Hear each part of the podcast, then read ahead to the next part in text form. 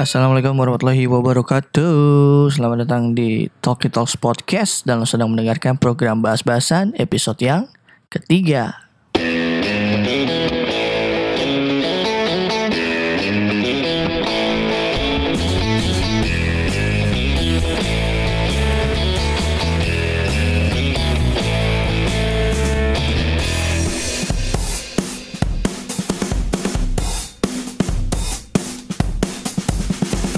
Di program bahas-bahasan episode ketiga kali ini Seperti biasa Kalau ada bahas-bahasan Berarti kosannya lagi libur. Jadi di episode ketiga bahas-bahasan Gue mau ngomongin Hal-hal Yang lagi happening banget Di berita tanah air Cela Di berita ibu kota lah ya. Seperti biasa sesuai format ya bahas-bahasan Kita membahas hal-hal yang lagi happening banget um, mungkin lu juga udah baca beritanya. Gue mulai pembahasan pertama dari penyelundupan Harley Davidson oleh Dirut Garuda Indonesia. Uh, gue nggak bakal bahas banyak, cuman lebih ke kayak sebenarnya ini bukan hal baru kali ya, cuman maksud gue ini jadi satu-satunya mungkin salah satu atau seingat gue mungkin satu-satunya hal penyelundupan yang dilakukan oleh pejabat publik yang gap, yang ketahuan. Tapi mungkin sebelumnya juga udah ada gitu kan. Cuman ya lebih main bersih aja sih. Dan menurut gue juga eh uh, metode penyelundupannya ya standar sih ya. Ngebelah motong-motong spare part semua unit dibagi-bagi taruh kardus kirim ke Indo nyampe di Indo dirakit lagi. Itu sebenarnya bukan jadi hal yang baru gitu. Apalagi buat lo yang hobi otomotif baik itu mobil klasik ataupun motor klasik. Biasanya ya emang kalau lo mau masuk secara ilegal ya kayak gitu sih caranya. Uh, cuman ya mudah-mudahan dengan kejadian ini banyak pejabat-pejabat yang mungkin berpikiran untuk melakukan hal yang sama jadi punya filter untuk mikir ulang dua kali deh nih ya biar nggak ke gap karena nggak main-main. Setelah ke gap ini langsung dicopot kan yang gue denger nih sama Menteri BUMN Bapak Erick Thohir langsung memberhentikan di Rut Garuda Bapak Arias Tana ya. Ah, tapi yang menarik adalah setelah kejadian itu justru di belakang uh, cerita dari penyelundupan itu muncullah kabar miring lainnya mengenai perangai Bapak X di Rut ini dari mulai bagaimana kebijakan-kebijakan dia yang bisa dibilang kontroversial mulai dari melakukan hukuman ya kalau dalam uh, dunia pramugari atau dunia penerbangan uh, Pak Ari ini sering melakukan grounded ya atau membebas tugaskan membebas jam terbang kan jadi dia nggak boleh terbang nih pramugari maupun pramugara karena hal-hal yang sepele katanya. Jadi memberikan hukuman itu uh, karena hal-hal sepele terus juga ya banyak hal-hal lain deh yang bisa lo baca juga beritanya di dunia maya. Terus juga isu soal dia punya affair sama pramugari dan lain sebagainya tuh yang kayak gue pikir anjir lah semuanya jadi kayak hmm, bisa dibilang jadi kebuka gitu kartunya ya. entah itu benar ataupun enggak di samping itu selain soal Harley Davidson juga kan ada sepeda Brompton ini. Sepeda yang mulai dari tahun lalu lah gue rasa happeningnya. Mungkin ini udah lama merek sepeda yang ya kalau lo juga ada di pusaran main sepeda di era hmm, dulu ya waktu zaman zamannya single speed atau fixed gear atau lebih dikenal fiksi di era 2010 atau 2009 2010 lah tuh mulainya. Um, ini ya Brompton juga udah banyak yang pakai mungkin pengertian banyak adalah berarti di Indonesia juga banyak orang kaya gitu. Karena Brompton sendiri merupakan salah satu merek folding bike yang eksklusif, yang mahal, yang meningkatkan strata sosial di pergaulan lah ya. Brompton tuh ya kalau lo main sepeda, ya kalau sekarang mah orang udah paham lah ya dengan pemberitaan dan expose harga Brompton yang kayak gila nih sepeda mahal banget ya untuk folding bike walaupun kalau road bike mah yang ratusan juta juga ada cuman untuk folding folding bike yang salah satu brand yang megang banget ya Brompton gue mau memaparkan cela ini gue kutip ada fakta-fakta soal Brompton ternyata Brompton ini di tahun 2018 itu berhasil menjual 5000 unit sepeda di Indonesia. Jadi si 5000 unit sepeda di Indonesia itu merupakan 10% dari market dunia. Dari total keseluruhan penjualan Indonesia di tahun 2018 itu megang 10% market sepeda Brompton. Itu juga bikin kaget CEO-nya Brompton gitu yang ternyata Brompton juga segitu diterimanya di pasar Indonesia gitu. Jadi si Will Butler Adams ini kaget penjualan Brompton di tahun lalu tuh gede banget hitungannya di Indonesia karena megang 10% market dunia. Itu kan gak main-main, berarti banyak orang yang cukup tajir, cukup punya duit buat beli folding bike puluhan juta gitu kan um, ya gue sih support ya maksudnya ya pasti olahraga terus muncul juga tren muncul juga barang barang-barang yang kadang yang kita kalau nggak tahu kayak gila ya sepeda mahal banget. Sama kayak uh, eh, gue mundur lagi cerita ke belakang ngomongin dulu single speed atau fixie atau fixed gear ya bahasanya dulu ya kalau misalnya lo main mungkin lo familiar sama Cinelli Mesh terus lo juga familiar sama apa ya dulu tuh leader frame-frame 725 yang harganya juga udah mahal dengan saddle Brooks yang kayak gitu-gitu. Walaupun sekarang kayaknya lagi rame lagi yang ngerakit sepeda.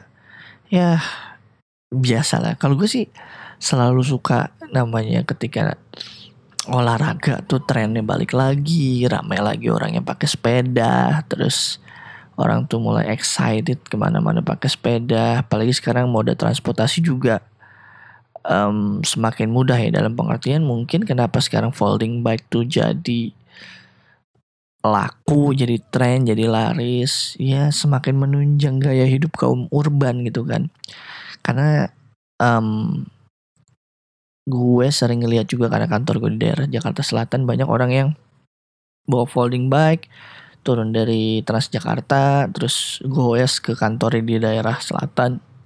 Menurut gue itu kayak ya positif banget gitu ya. Maksudnya banyak orang yang sudah mulai membiasakan diri untuk menggunakan public transportation terus juga um, sepeda bahkan gitu kan. Ya itu bagus sih menurut gue.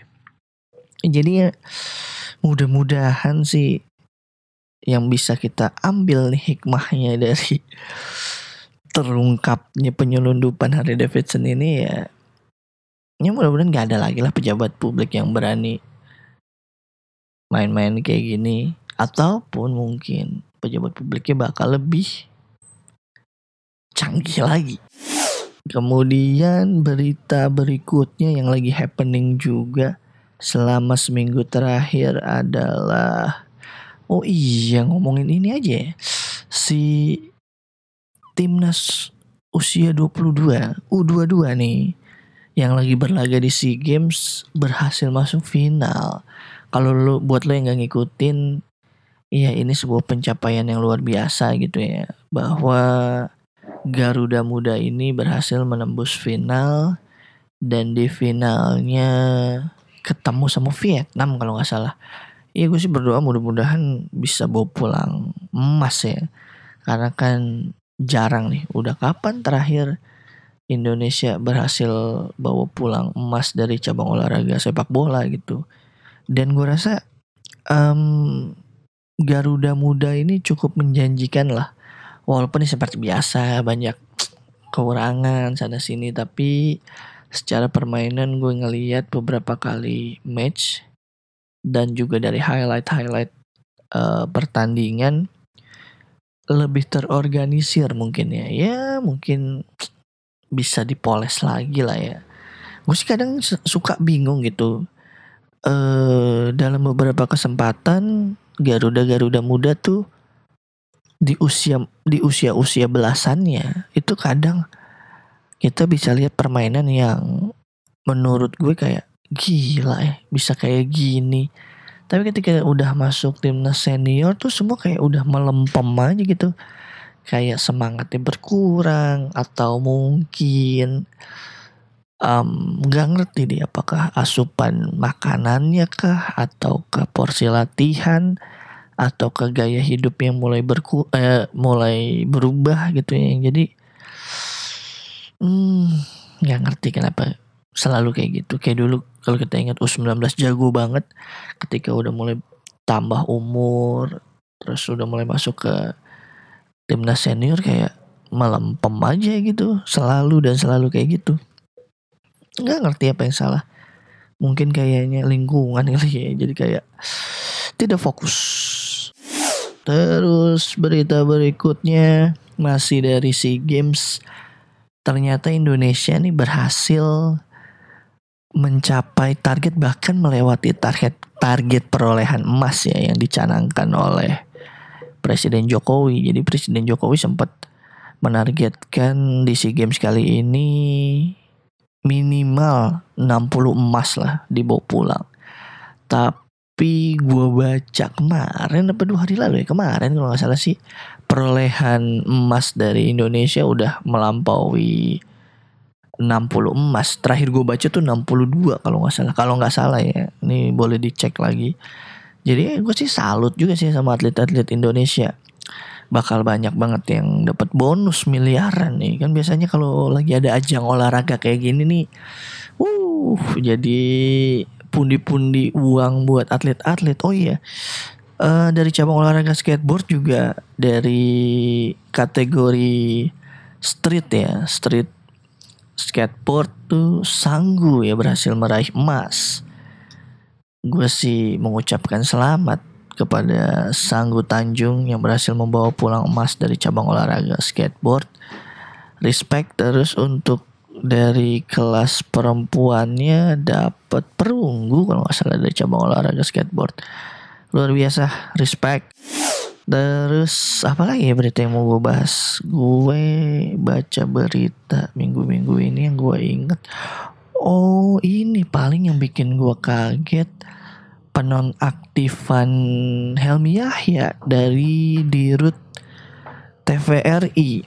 Iya, hmm, gue pas baca berita ini di timeline gitu gue agak kaget karena kalau boleh flashback ya waktu itu gue pertama kali tahu bahwa TVRI uh, rebranding terus dikelola lagi secara lebih modern.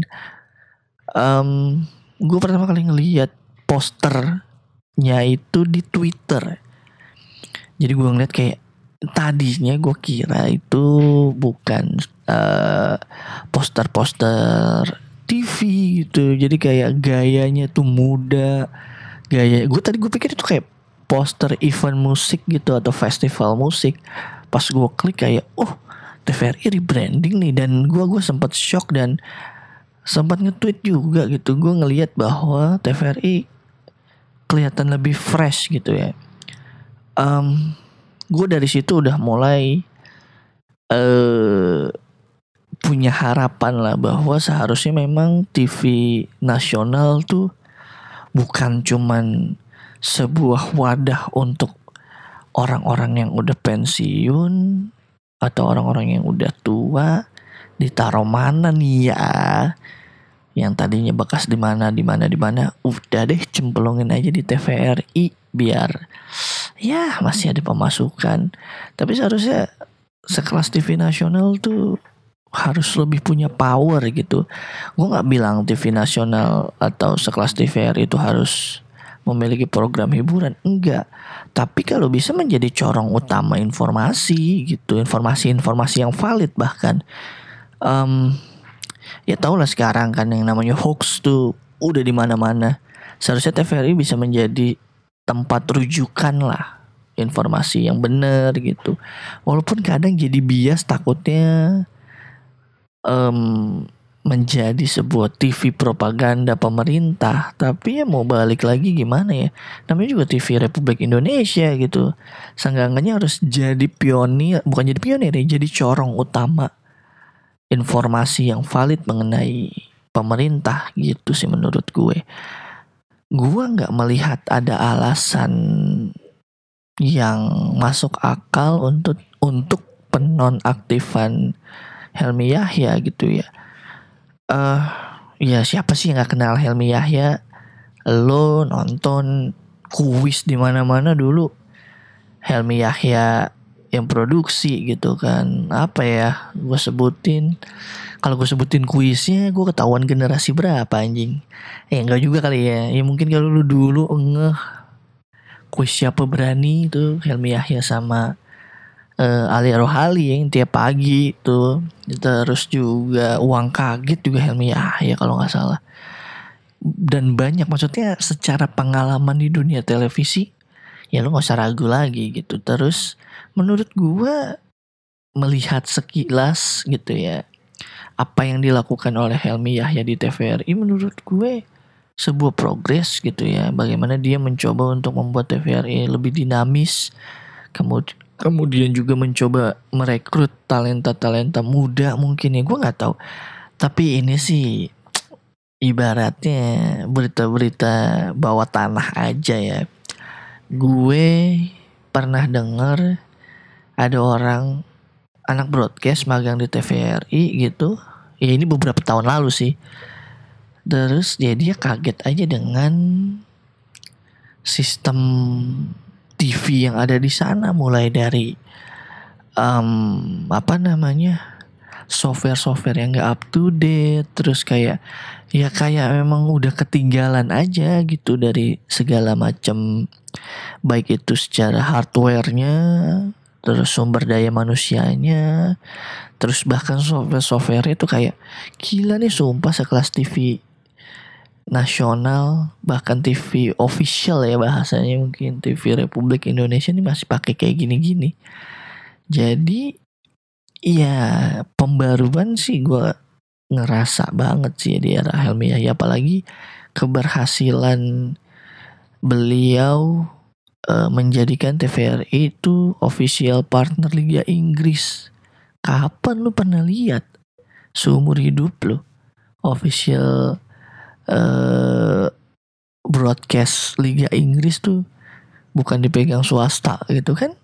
Menurut gue sebuah pencapaian gitu ya tapi ya balik lagi bahwa di belakang itu mungkin yang nggak tahu ya pasti ada muatan ABCD gitu. Entah ada politiknya juga lah entah ada ya namanya lo tahu kan tadinya tuh kan TVRI menjadi sebuah rumah yang nyaman untuk bahasanya adalah pensiunan-pensiunan yang udah harus berpindah tempat tapi tetap harus punya pekerjaan di TVRI yang menurut gue kayaknya TVRI itu nggak pernah diaudit kali ya apa gimana? Nggak ngerti nih gue. Perputaran dana segala macam ya gue nggak tahu. Um, ya mudah-mudahan sih Bapak Helmi Yahya bisa kembali bekerja di TVRI karena gue pribadi yang tadinya nggak pernah TV nyari ya atau ngebuka TVRI akhirnya semenjak gue ngelihat poster yang beredar di Twitter itu gue mencoba untuk jadi gimana sih TVRI sekarang? Dan gue ngeliat bahwa tayangannya udah ada progres gitu secara tampilan lebih dinamis segala macam um, ya cukup disayangkan lah ya penonaktifannya. Walaupun uh, beliau masih sah menjadi dirut Cuman ya, ya berdasarkan surat dari dewan bla bla bla di sana itulah di TV sana itu beliau sementara dinonaktifkan dengan alasan yang tidak dikemukakan ya. Indonesia kalau nggak ada kayak gini-gininya sih bukan Indonesia ya kayaknya sikut-sikutan jabatan. Kayaknya segitu aja nih bahas-bahasan episode ketiga kali ini. Mudah-mudahan ya bisa memberikan informasi lah buat lo semua ya. Jadi seperti biasa Senin hari ini libur dulu kosannya. Ini asal lo tau aja nih gue tapping di hari yang sama nih di hari Senin ini jam 7.12 gue tapping karena biar nggak bolong aja sih kontennya gitu ya sekaligus siapa tahu lo ada yang belum dengar beritanya ya kayak segitu aja bahas-bahasan episode ketiga ini mudah-mudahan ada manfaatnya. Dengerin terus Talkie Talks Podcast. Oh iya makasih buat yang telah menghabiskan waktunya di tahun lalu buat dengerin podcast kita dan sharing soal Spotify-nya ya. Spotify-nya di Insta Story respect buat lo semua. Thank you yang udah dengerin. Sampai berjumpa minggu depan. Wassalamualaikum warahmatullahi wabarakatuh